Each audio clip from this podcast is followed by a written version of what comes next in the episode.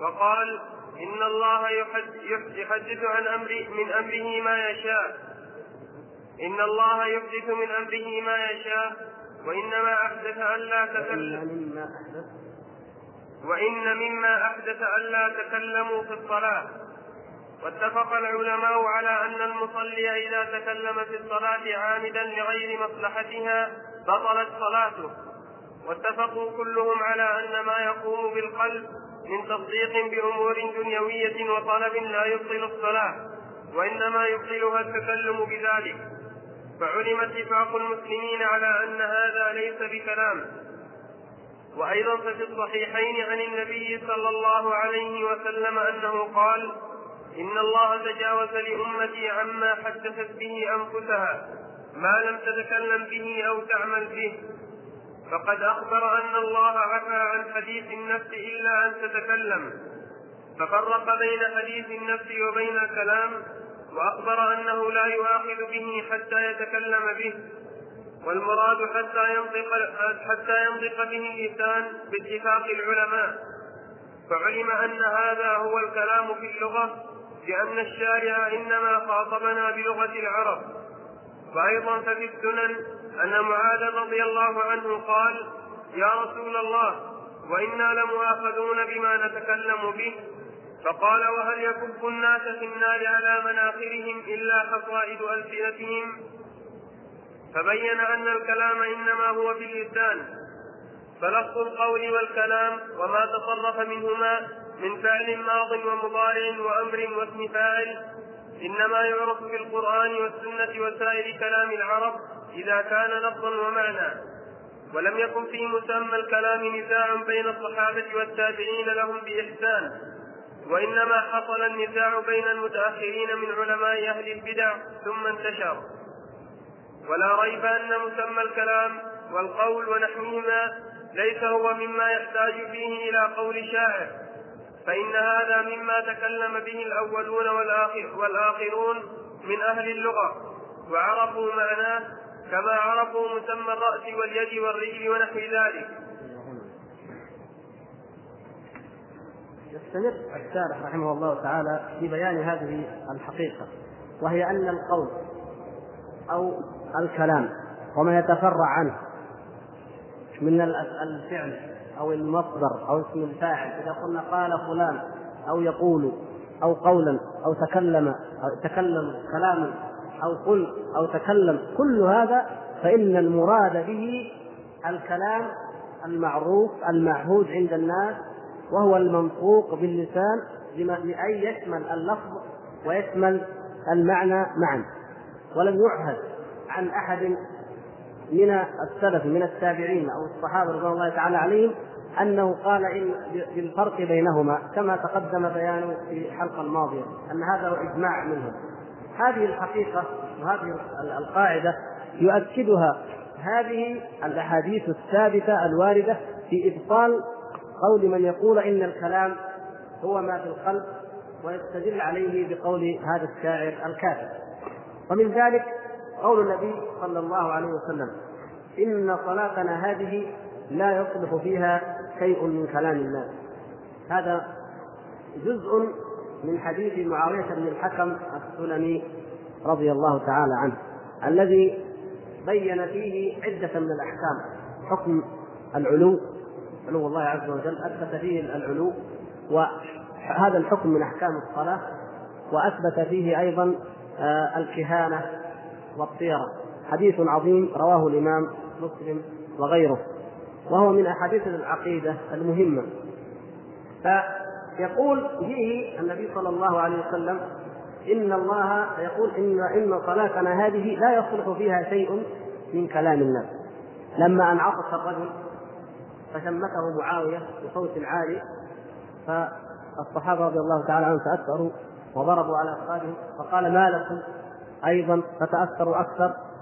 فاضطر أن يسكت فلما انتهى تعجب ما الذي جرى النبي صلى الله عليه وسلم استدعاه وأخذه بلطف فقال له إن صلاتنا هذه لا يصلح فيها شيء من كلام الناس.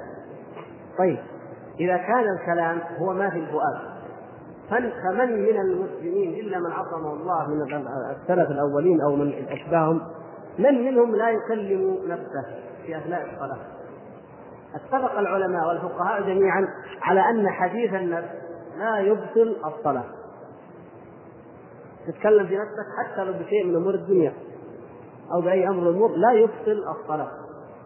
طبعا يجب أن نفرق بين الخشوع وبين البطلان. الكلام هنا في البطلان. فمن تكلم بلفظ بالقول أو بالكلام المعروف في كلام العربي وفي الكتاب والسنة أي أظهر لفظا أو نطق بكلام لغير مصلحة الصلاة بطلت صلاته عند جميع الفقهاء. لكن لو تكلم بنفس هذا الكلام في نفسه فإن صلاته لا تبطل.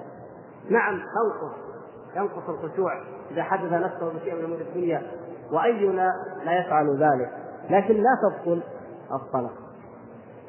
هنا الاستثناء يعني الكلام لمصلحة الصلاة. كيف يكون الكلام لمصلحة الصلاة ولا يبطل الصلاة؟ هذا واضح من الأدلة التي جاءت في السهو مثلا.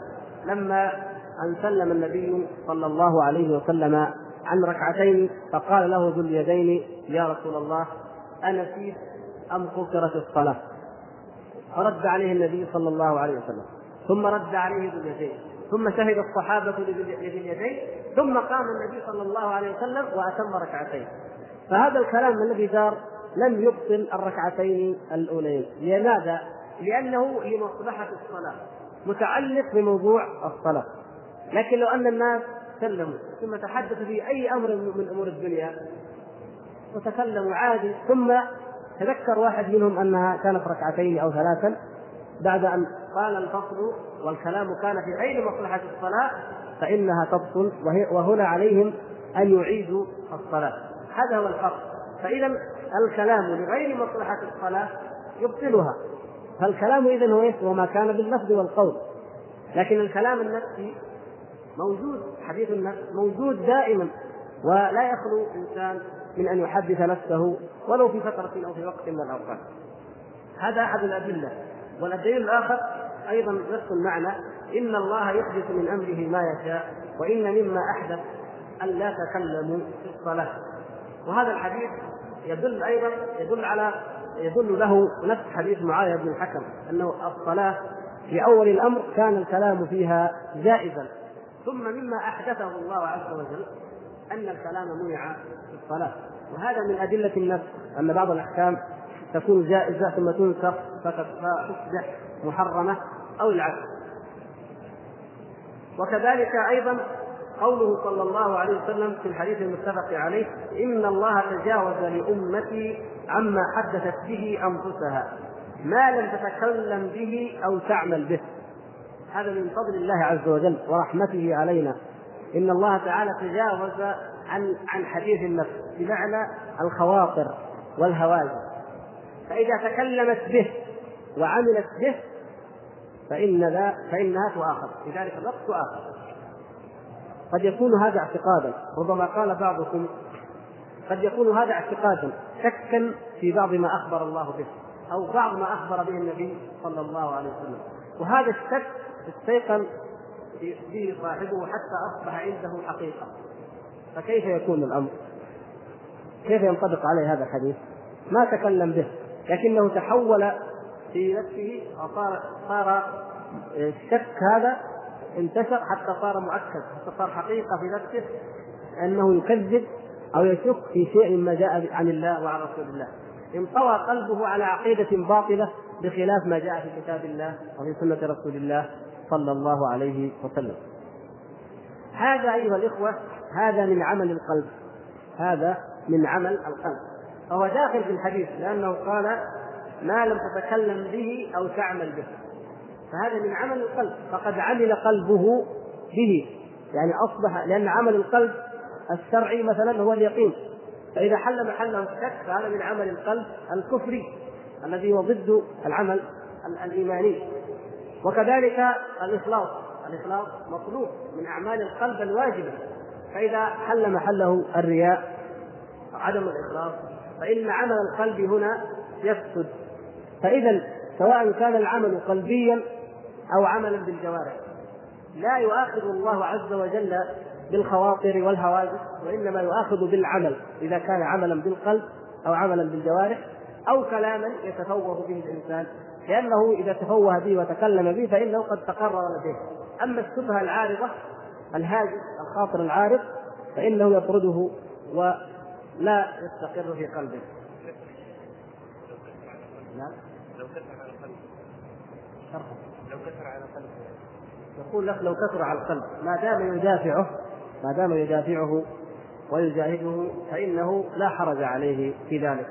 لأن أصحاب النبي صلى الله عليه وسلم لما سألوه قالوا يا رسول الله إن أحدنا ليجد في نفسه ماء يصبح حممة يعني فحمة محترقة خير من أن يتكلم به. لا يطيق أن يتكلم به ومع ذلك فإنه يأتيه به الشيطان. وهذا يتفاوت فيه الناس.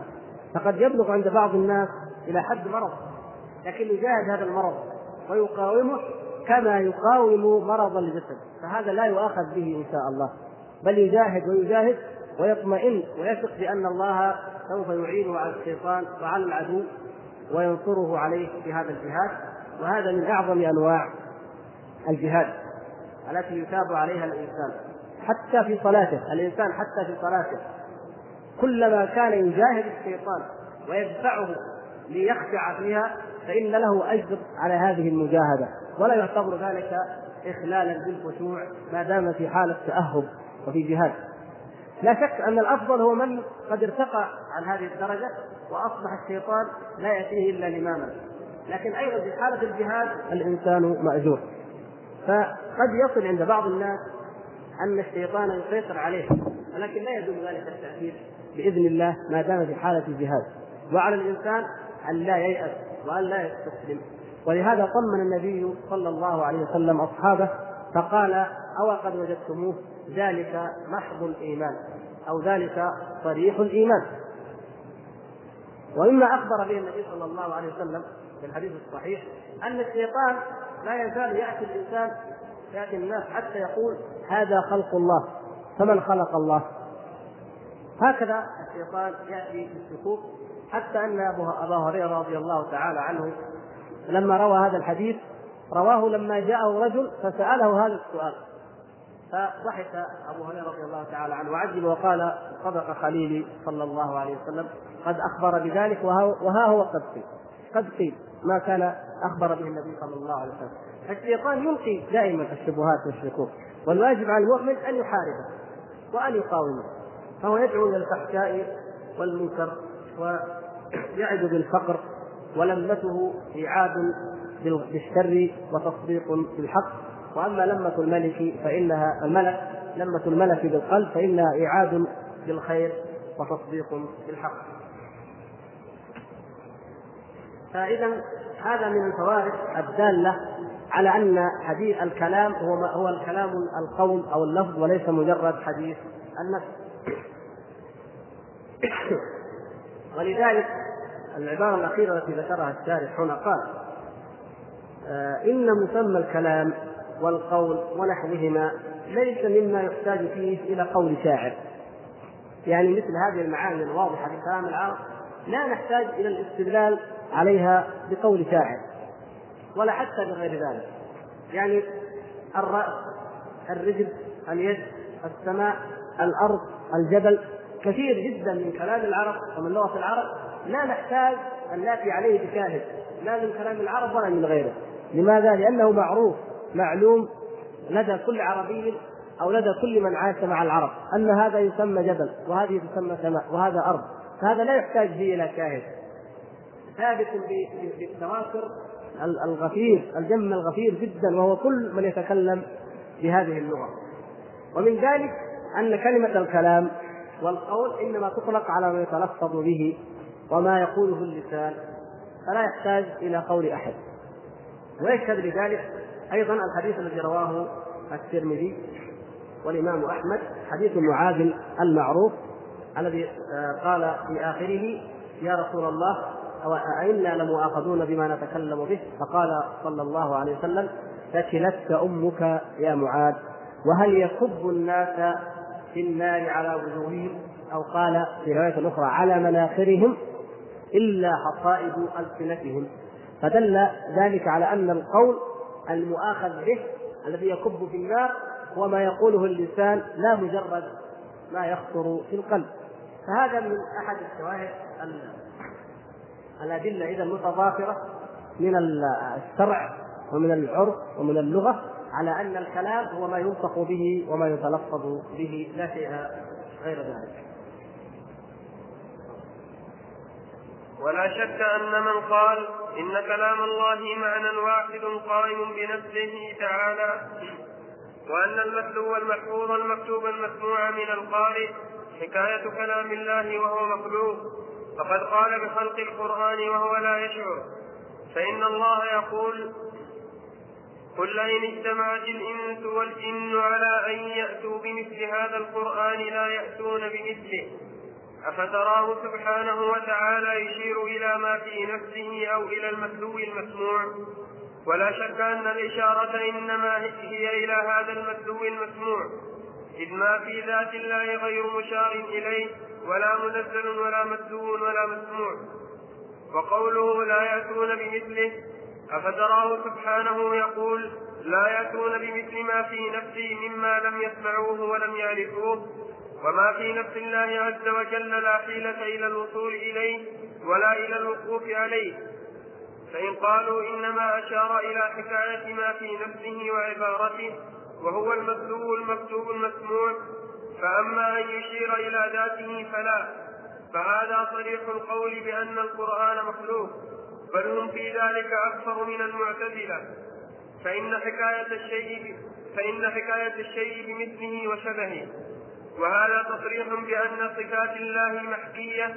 ولو كانت هذه التلاوة حكاية حكاية لكان الناس قد أتوا بمثل كلام الله فأين عجزهم ويقول الثاني في زعمهم قد حكى بصوت وحرف ما ليس بصوت وحرف.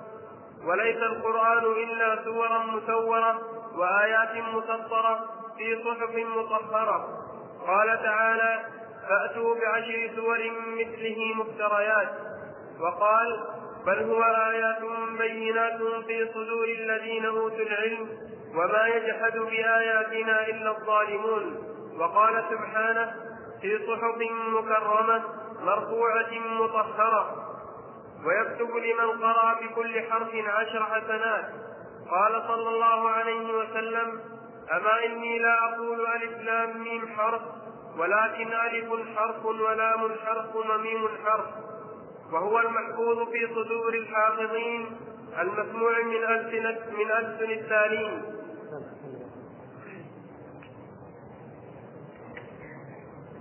يقول الثالث الشيخ الثالث رحمه الله انه من قال إن كلام الله معنى واحد الذي هم الحنفية والأشعرية والماتريديه يقول فإنه يعني من قال إنه الكلام هو المعنى النفسي وأن ما في المصاحف المتلو والمسموع هو حكاية أو عبارة عن كلام الله فإنه قد قال بخلق القرآن وهو لا يشعر.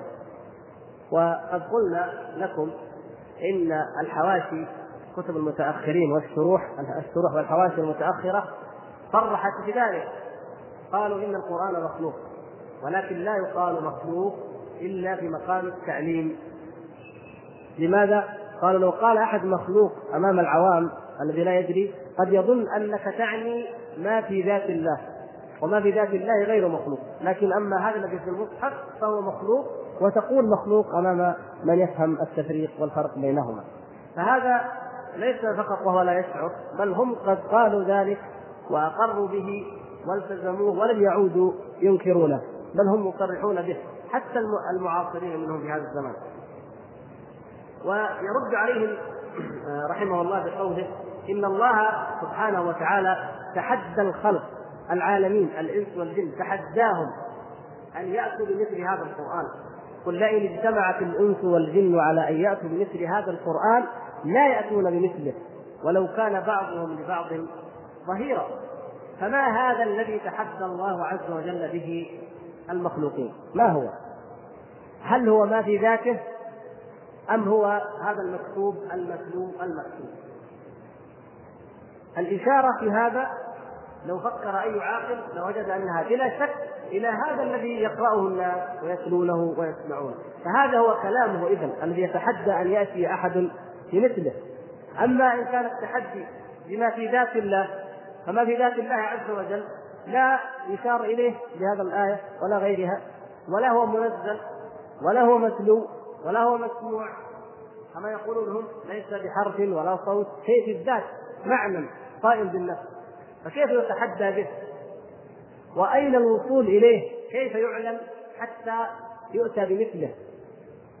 لما الله عز وجل يتحدى أن يأتوا بمثله فهو شيء موجود بين أيديهم يقول هذا هو القرآن هذا هو اقرأوه وأتوا بمثله ولم تأتوا أبدا ولم تستطيعوا أبدا فهم إذا كان التحدي بالمعنى القائم في الذات فأين الوصول إليه؟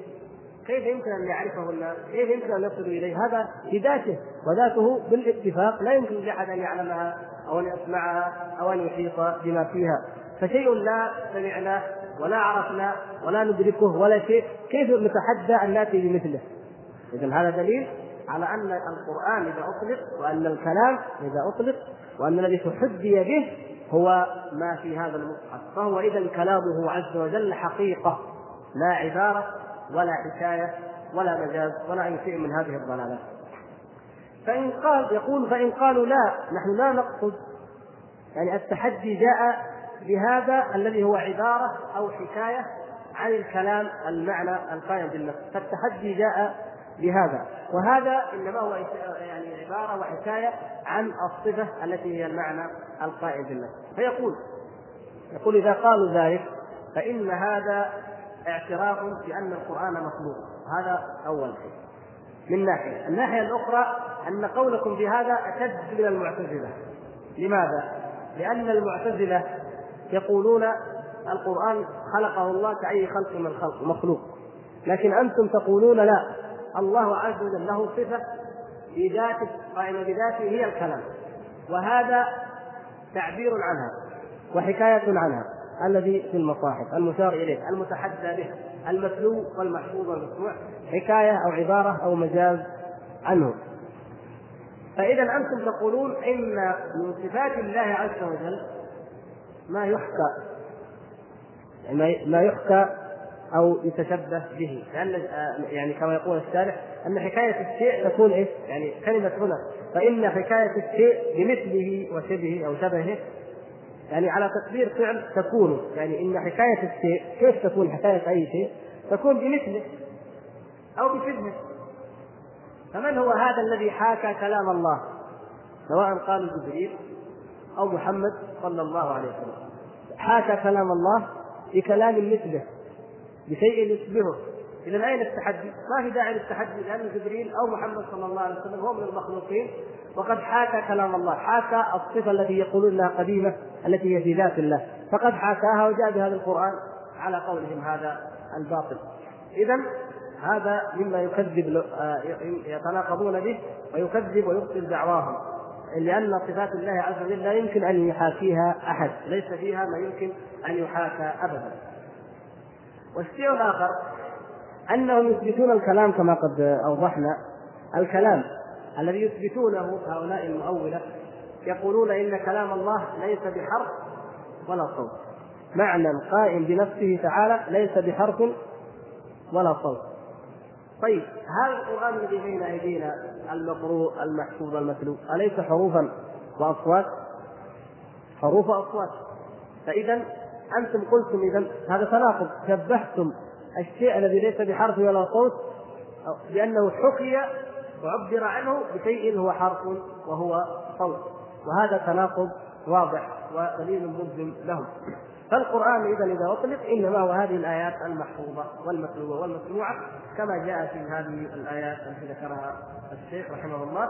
واستدل على الحرف بالحديث الذي أخرجه الترمذي وهو قول النبي صلى الله عليه وسلم أما إني لا أقول ألف لام ميم حرف ولكن ألف حرف ولام حرف وميم حرف.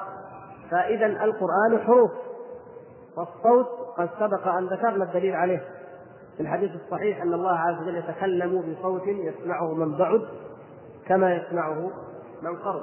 إذا فكلام الله عز وجل حرف في حروف وهو أيضا بصوت كما ثبت ذلك. فأنتم وهم يقولون معنى قائم بالذات ليس بحرف ولا صوت. فإذا كيف يعبر عما ليس بحرف ولا صوت بحروف وبأصوات؟ هذا من التناقض الذي يلزمهم إما أن يقروا به وإلا يقعون في التناقض.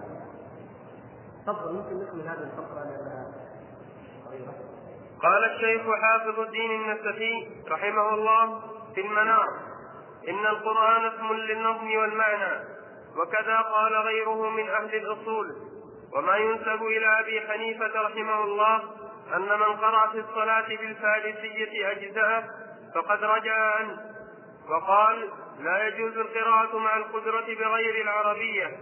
وقالوا لو قرأ بغير العربية إما أن يكون مجنونا فيداوى أو زنديقا فيقتل لأن الله تكلم به بهذه اللغة والإعجاز حصل بنظمه ومعناه.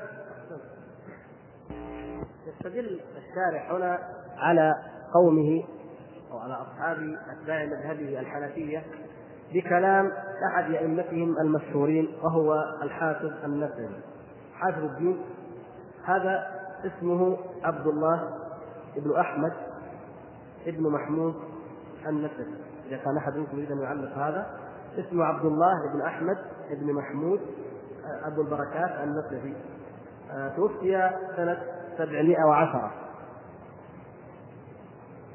له من المؤلفات التفسير المعروف تفسير النسبي الذي سماه مدارك التنزيل. وله كتاب المنار في أصول الفقه. هذا الذي نقل عنه الشارح هذا الكلام. وله في العقيدة كتاب عمدة العقائد. أيضا. المصدر الأعلام أربعة. أربعة صفحة 67 من الأعلام للزركلي وهناك تجدون المصادر التي نقل منها كتب طبقات الحنفية. الحافظ هذا حافظ الدين النسفي يقول في المنار إن القرآن اسم للنظم والمعنى. هذا من الحنفيه المتأخرين وهو حجة عندهم. قال في كتابه هذا إن القرآن اسم للنظم والمعنى. اذا فهو يبطل ويرد على عليهم على أتباع أصحابه القائلين بالكلام النفسي هذا الشاهد من هذا الكلام. وقال وما ينسب إلى أبي حنيفة رحمه الله. قول هذا قول من الأقوال تنسب للامام ابي حنيفة ولم يثبت ذلك أو كما قال الشارح هنا إنه رجع عنه وهو أنه قال من قرأ في صلاته بالفارسية أجزاء إذا قرأ بالمعنى إذا قرأ بمعنى القرآن بلغة غير اللغة العربية فإن ذلك يجزئه في صلاته. فالإمام أبو حنيفة آه، رجع عن هذا القول كما يقول هذا الإمام الشيخ ابن أبي العز وهو من أئمة المذهب ويعلم المذهب ويعلم الأقوال فيه. فيقول ان الإمام ابا حنيفة قد رجع عن هذا القول وقال لا تجوز القراءة مع القدرة مع القدرة بغير العربية. مع القدرة طبعا لأنه قد يسلم الإنسان في هذه اللحظة وهو لا يجيد اللغة العربية. فلا نلزمه أن يصلي باللغة العربية وهو لم إلى الآن لم يتعلمها. ولكن ينبغي أن يتعلمها بأسرع ما يمكن. ثم قال قال الأئمة الحنفية في مذهب الحنفية قالوا لو قرأ بغير العربية ما حكم من قرأ بغير العربية؟ قالوا إن كان مجنون إما أن يكون مجنونا فيداوى مجنون يداوى يعالج حتى يشفى أو زنديقا فيقتل إنسان ساخر هازل زنديق فهذا يقتل لأنه قرأ بغير اللغة التي قال قال لأن الله تكلم به لأن الله تكلم به أي تكلم بالقرآن وأنزله بهذه اللغة بلسان عربي مبين. إنا جعلناه قرآنا عربيا قرآنا عربيا غير ذي عوج. والإعجاز حصل بنظمه ومعناه فالتحدي والإعجاز حصل بالنظم العربي وبالمعنى معا فإذا غير إلى لغة أخرى فإن ذلك إبطال للإعجاز وللتحدي إذا لم يفرق هؤلاء الأئمة في الفقه بين اللفظ وبين المعنى فيقول إن المعنى قائم بالنفس وإن اللفظ مخلوق أو مصنوع أو عبارة أو حكاية. فهذا مما يستدل به الشارع رحمه الله على الماتريدية أتباعه. وقد نبهنا أنه لماذا هو يقول ذلك؟ لأنه العقيدة الطحاوية شرحها ماتريديون. ينتسبون إلى نفس المذهب الحنفي لكنهم على مذهب أبي منصور الماتريدي فأولوها وحرفوها كما أولوا كلام الله. فهو هنا يرد عليهم أن هذا الذي قاله الإمام أبو جعفر الطحاوي هو الصحيح وهو الذي عليه الإمام أبو حنيفة وهو الذي عليه النسفي وهو الذي عليه هو نفسه وكل علماء المذهب الحقيقيين هم على هذا المذهب وعلى هذا القول الصواب الذي كان عليه السلف في مسمى الكلام وفي مسمى القول. أظن ننتهي إلى هنا ونكمل إن شاء الله تعالى في الحلقة القادمة لنصل إلى الفقرة السابعة والثلاثين. نسأل الله سبحانه وتعالى أن ينفعنا وإياكم بما نسمع وبالمناسبة هناك محاضرة ستلقى إن شاء الله تعالى في في مساء الأربعاء. وربما تكون في هذا المسجد الغالب إنها تكون في هذا المسجد يلقيها فضيلة الشيخ صالح بن عبد العزيز بن محمد بن إبراهيم آل الشيخ. فإن شاء الله تحضرون وتدعون إخوانكم للحضور. بعد المغرب إن شاء الله.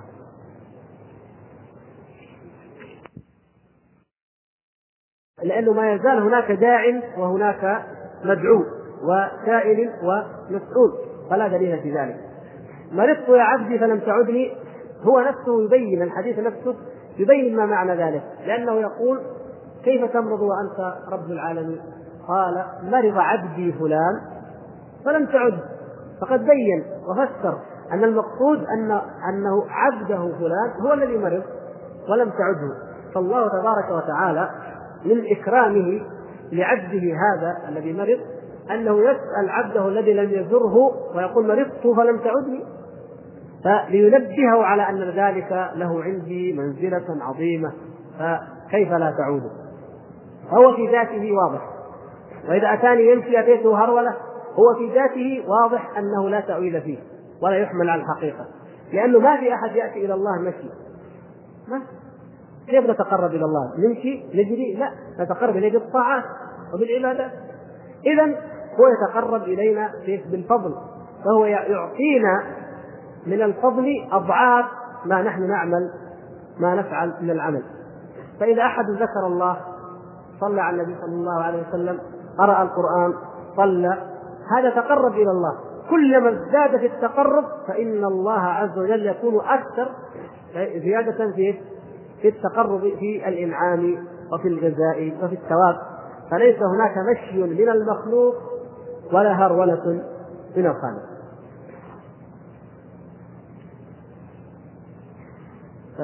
قصة عامر بن الطفيل وغيره.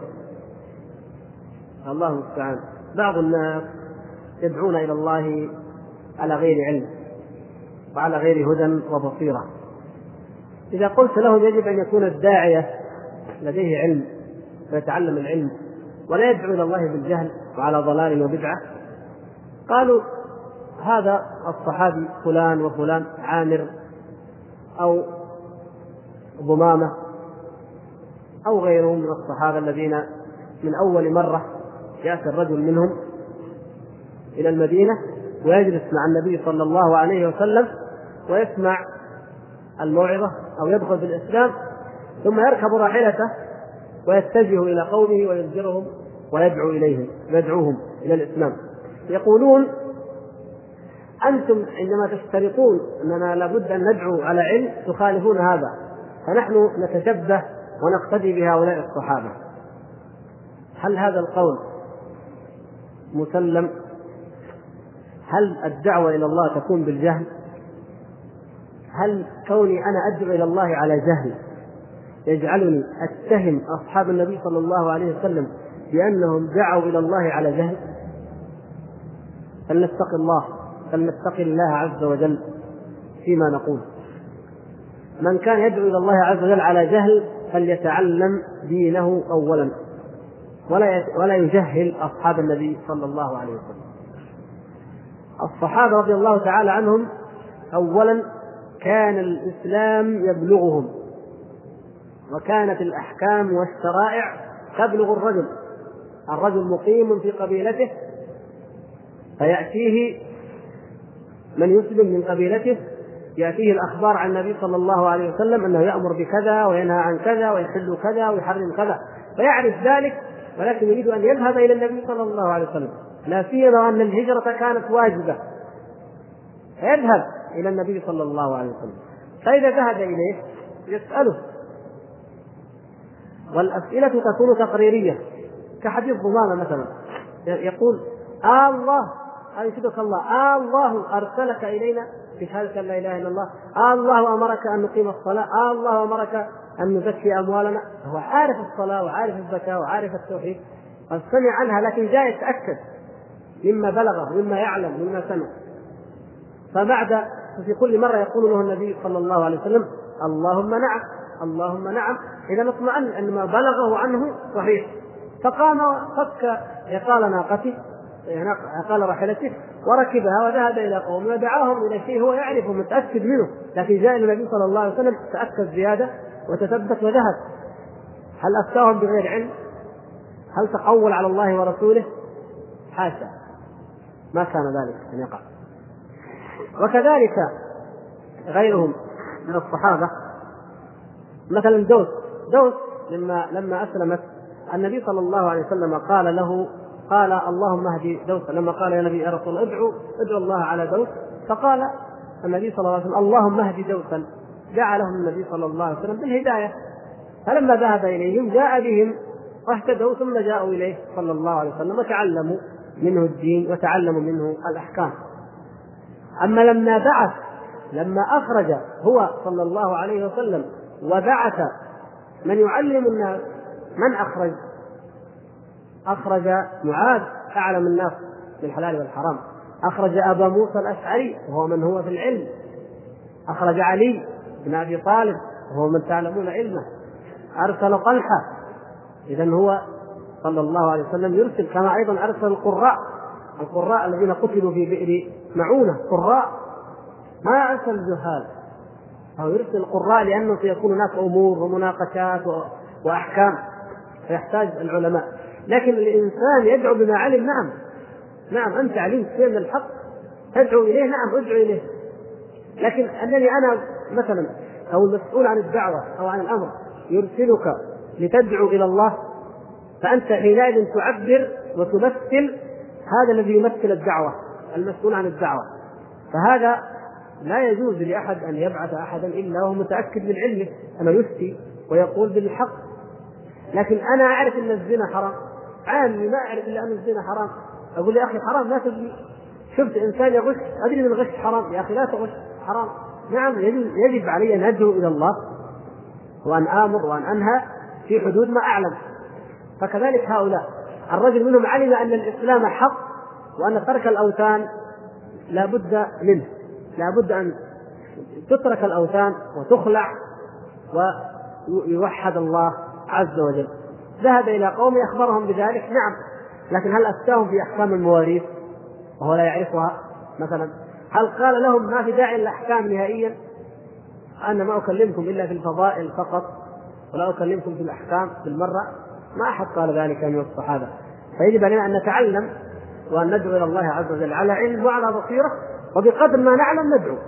أما أن نجعل منهج الدعوة هو الجهل فهذا من البدعة التي لا تجوز. بلغوا عني ولو آية. نعم. إذا علمت آية بلغها. ولو حديث.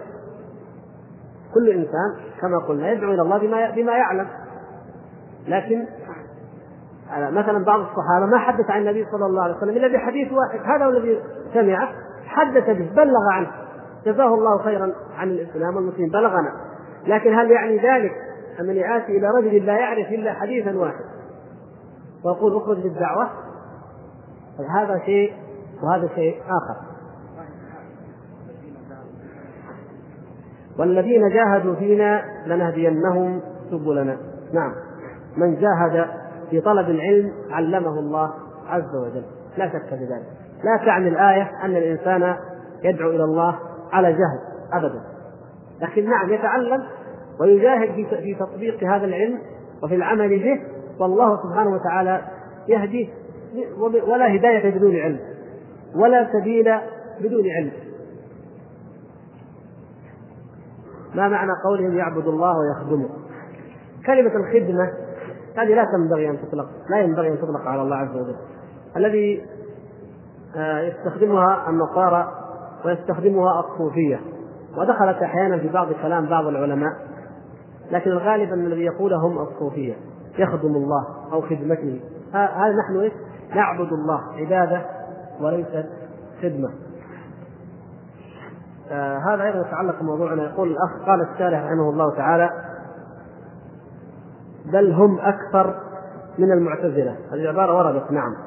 هل يفهم من هذا أنه يكفر المعتزلة ومن قال بهذا القول؟ قد بينا ذلك وقلنا إن القول بأن القرآن مخلوق هذا القول كفر. هذا القول كفر. لكن فرق بين هذا القول وبين أن نقول إن كل من قال به يكفر. يعني ليس كل من قال إن القرآن مخلوق يكفر لكن هذا القول هذا القول كفر.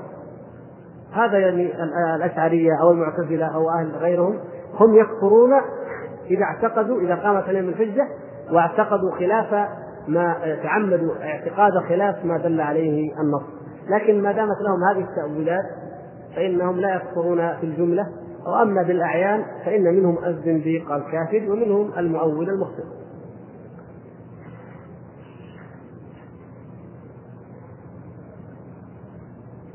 آه، ذكرت حديث أبو هريرة الذي قال فيه صدق خليلي وكذلك ورد غير ذلك مثل قول بعض الصحابة أوصاني خليلي وهناك من يقول حبيبنا رسول الله صلى الله عليه وسلم فهل قول خليلي وحبيبنا صحيح أم لا؟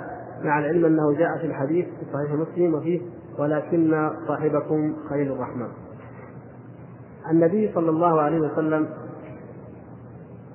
يقول لو كنت متخذا خليلا لاتخذت أبا بكر خليلا ولكن صاحبكم خليل الرحمن. هو هو صلى الله عليه وسلم لم يتخذ خليلا إلا الله سبحانه وتعالى.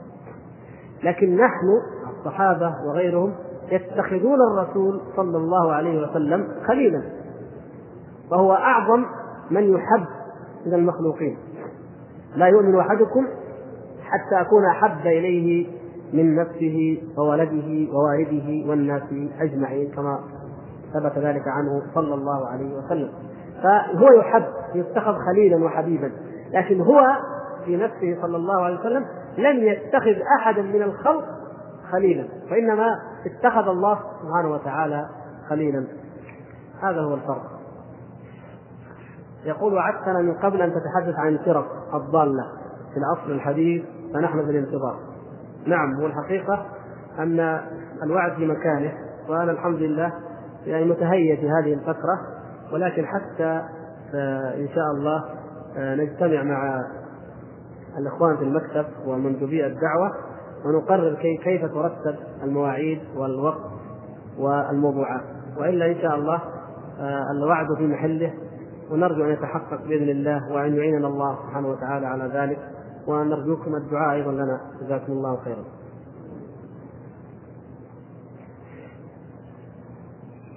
نفس القضية.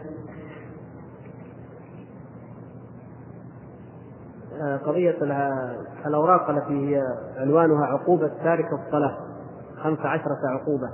هذه لم يثبت أنها من كلام النبي صلى الله عليه وسلم. فمن من يعلقها ويقول قال رسول الله صلى الله عليه وسلم فإنه لا يجوز له ذلك. بعد أن علم.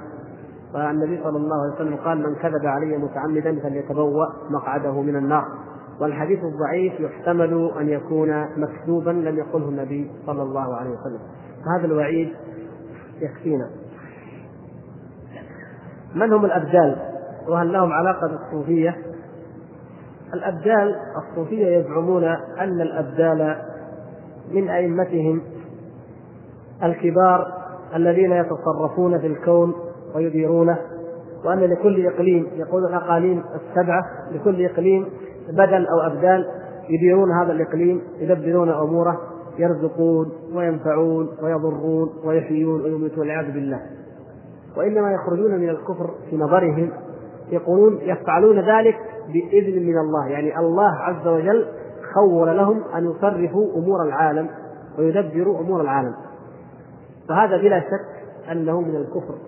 لأن حتى حتى المشركين الجاهلية لما سألهم الله عز وجل أو أمر النبي صلى الله عليه وسلم أن يسألهم ومن يدبر الأمر فسيقولون الله.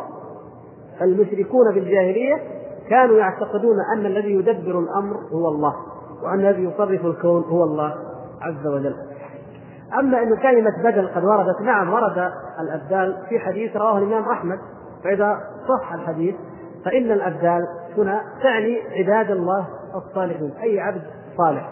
لا على الصفة التي ذكرها الصوفية وإنما بمعنى أنه عبد يبدل من عبد يعني أن الله عز وجل إذا قبض عبدا صالحا يبدل مكانه عبدا صالحا آخر فلا ينقطع الخير في هذه الأمة. هذا كل ما في الأمر.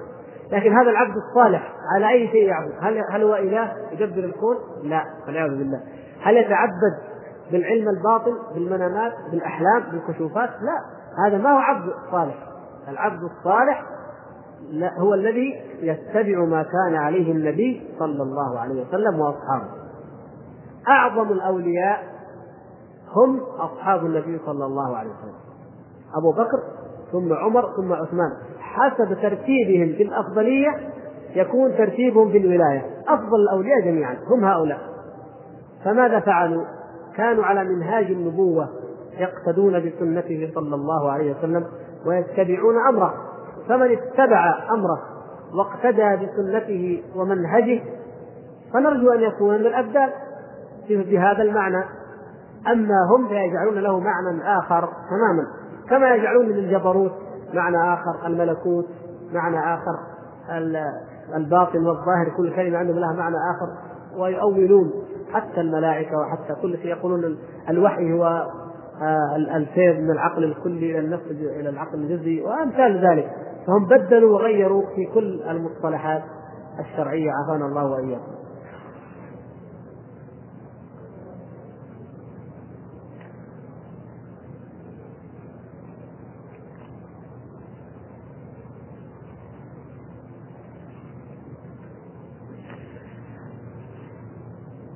هل في القرآن الكريم مجاز أم لا؟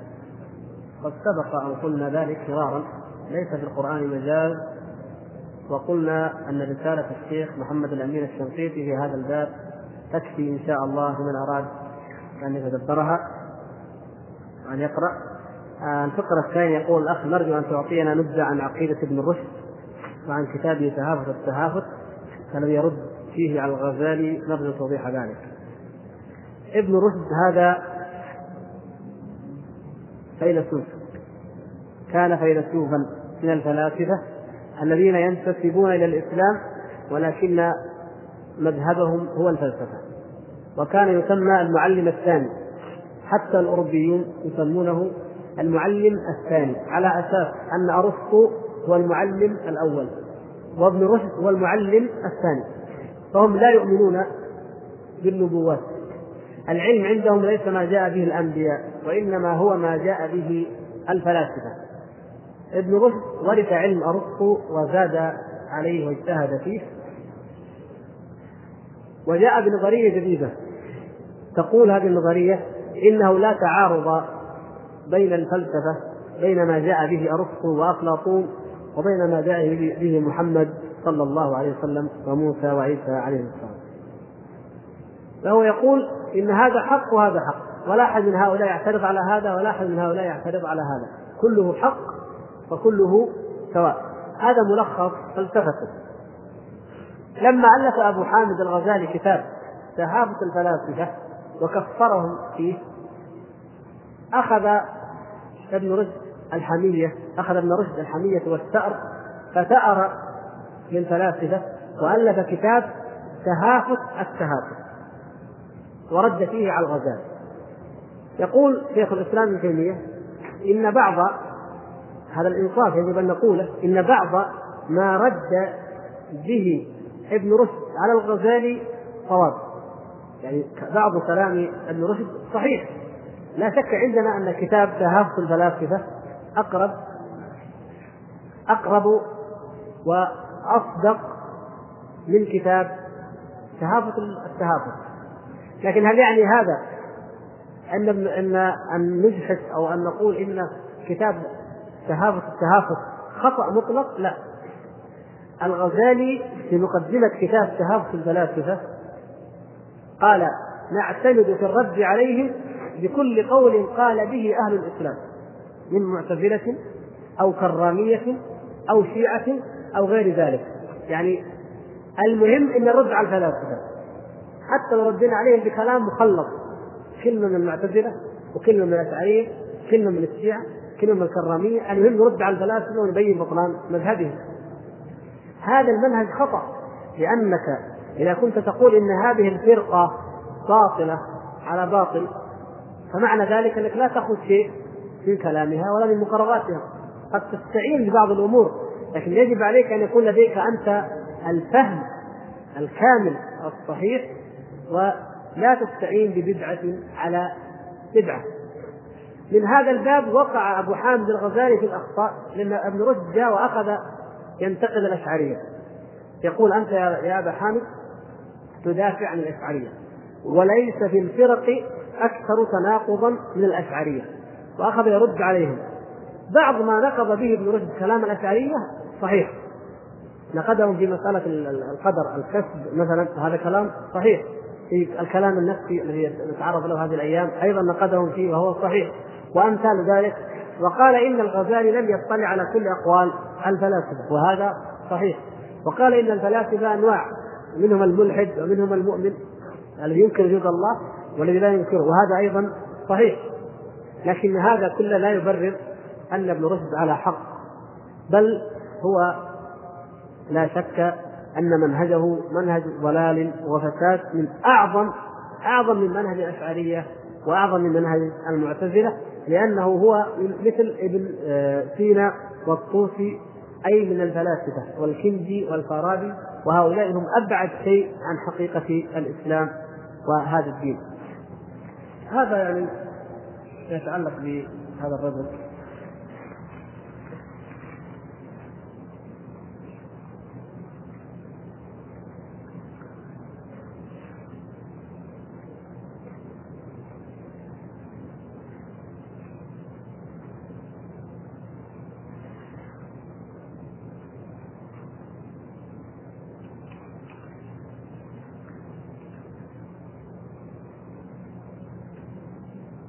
ما رأيكم لو قال إنسان إن نثبت الكلام النفسي للبشر مع الكلام اللفظي؟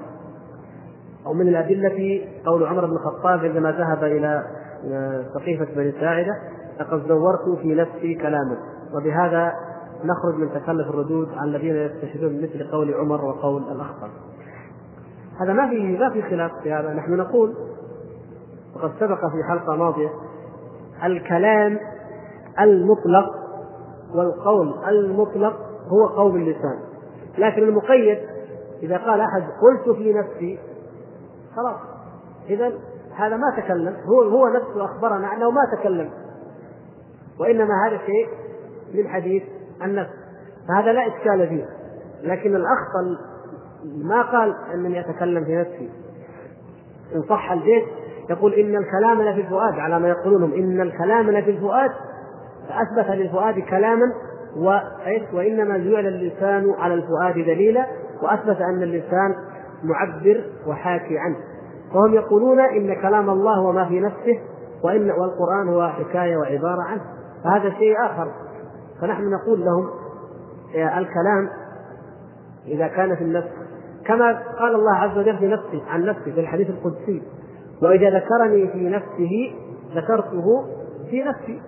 فهذا ما في كلام ما تكلم الله عز وجل بشيء من هذا. ها مثل هذا نقول به. نعم. فنحن نقول إذا قيد إذا قال تكلمت في نفسي قلت في نفسي فهذا خرج من موضوع البحث ولا إشكال فيه. لكن الإشكال هو أننا نتحدث عن القرآن هذا المقروء المتلو المحفوظ لا عن ما في نفس الله سبحانه وتعالى. فلعل هذا يعني يبين للأخ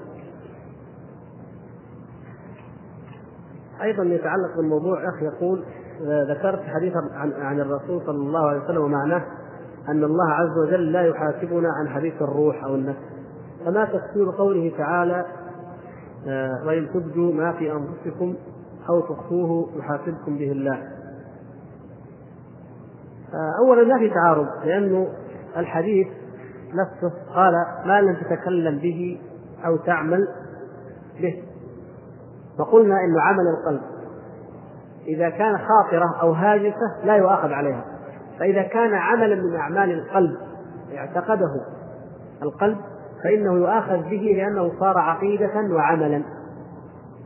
وهذه الآية آه، الحساب فيها على ما أصبح كذلك. لا على الخواطر ولا على حديث النفس وإنما هو على ما أصبح آه، حقيقة أو عقيدة. والوجه الآخر أن هذه الآية نفسها لما نزلت شق ذلك على أصحاب النبي صلى الله عليه وسلم. قالوا كيف نصبر. إذا كان وإن تبدوا ما في أنفسكم أو تخفوه يحاسبكم به الله. فقال لهم النبي صلى الله عليه وسلم لا تكون لا تكونوا كمن قبلكم. لا تقولوا سمعنا وعصينا بل قولوا سمعنا وأطعنا. فأنزل الله سبحانه وتعالى الآيات التي تليها آمن الرسول بما أنزل إليه من ربه والمؤمنون. كل آمن بالله وملائكته وكتبه ورسله. لا نفرق بين أحد من رسله. وقالوا سمعنا وأطعنا. ثم قال بعد ذلك لا يكلف الله نفسا إلا وسعها. لها ما كسبت وعليها ما اكتسبت. فدل ذلك على أن معنى الآية والمقصود بها لا يمكن أن يكون داخلا في التكليف بخلاف الطاقة وبخلاف الوسع. فالشبهات اذا الشبهات التي تعرض الخواطر التي تعرض في القلب هذه ليس في وسع الإنسان أنها لا تعرض له لكن في وسعك أن لا تجعلها عقيدة ثابتة بأن تردها وتجاهد لدفعها. فهذا يدل على أنه لا تعارض في ذلك وأن هذه الآية قد أوضح معناها أو قيده أو نسخه على المعنى نفس المعنى التقييد ما بعدها من آيات.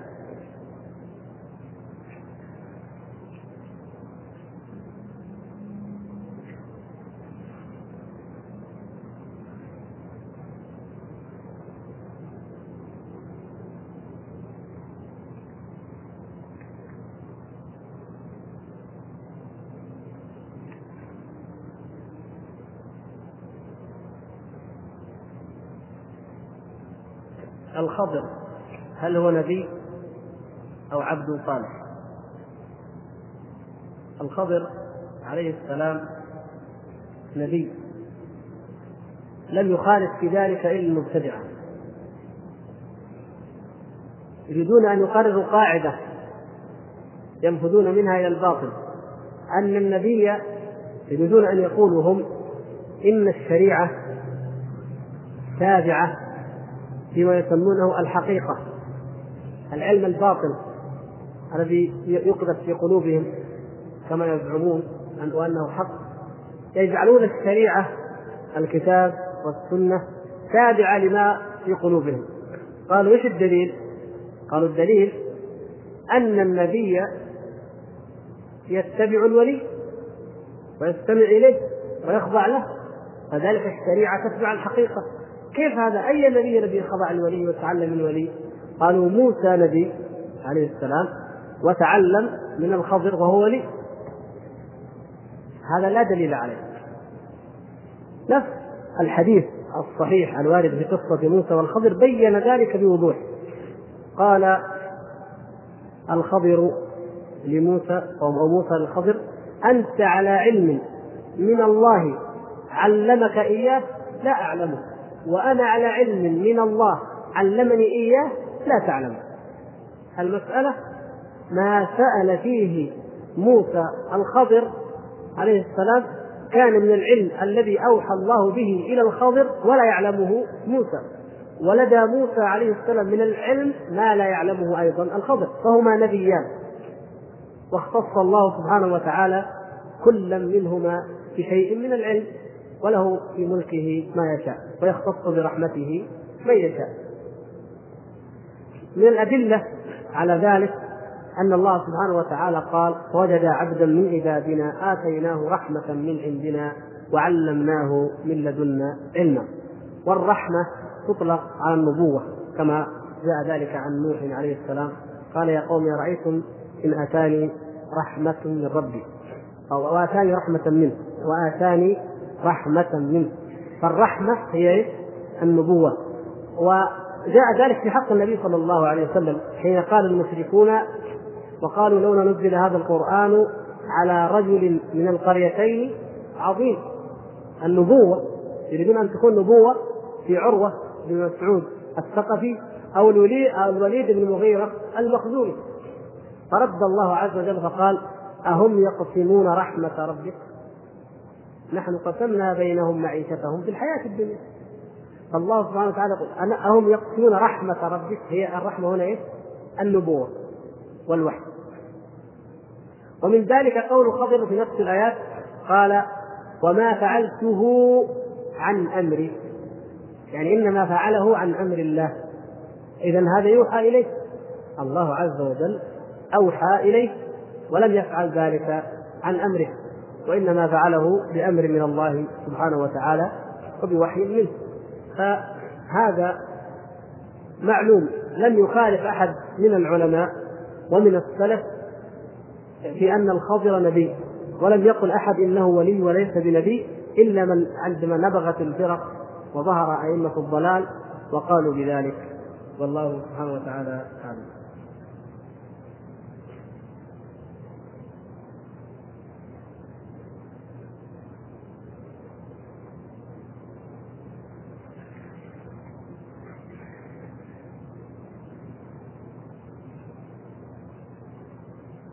ذكرت أن الله يبتلي المؤمنين يوم القيامة فهل هناك ابتلاء واختبار لهم يوم القيامة؟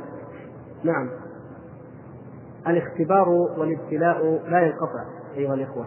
الابتلاء في الدنيا والابتلاء في القبر إن هذه الأمة الأمة تفتن في قبورها أيضا القبر مجال مكان للفتنة والابتلاء. والابتلاء في عرصات القيامة. ومن ذلك ما قرأنا من حديث آه، الصورة الفتنة التي تكون وابتلاء المنافقين وابتلاء المؤمنين. ويبتلي الله سبحانه وتعالى يوم القيامة بعض الناس. منهم من يبتلي من يأتي فيقول يا ربي الرجل الكبير هرم أو الزمن والمجنون والصبي يأتون يقول يا ربي كنا كذا وكذا وكذا. لم نسمع الوحي ولم يبلغنا الدين. يقول يا رب كيف تعاقبنا ونحن كنا في الدنيا؟ هذا يقول أنا زمن وهذا يقول أنا هرم وهذا يقول أنا مجنون. فيمتحنهم الله عز وجل في في عرفات القيامة. أي فمن سمع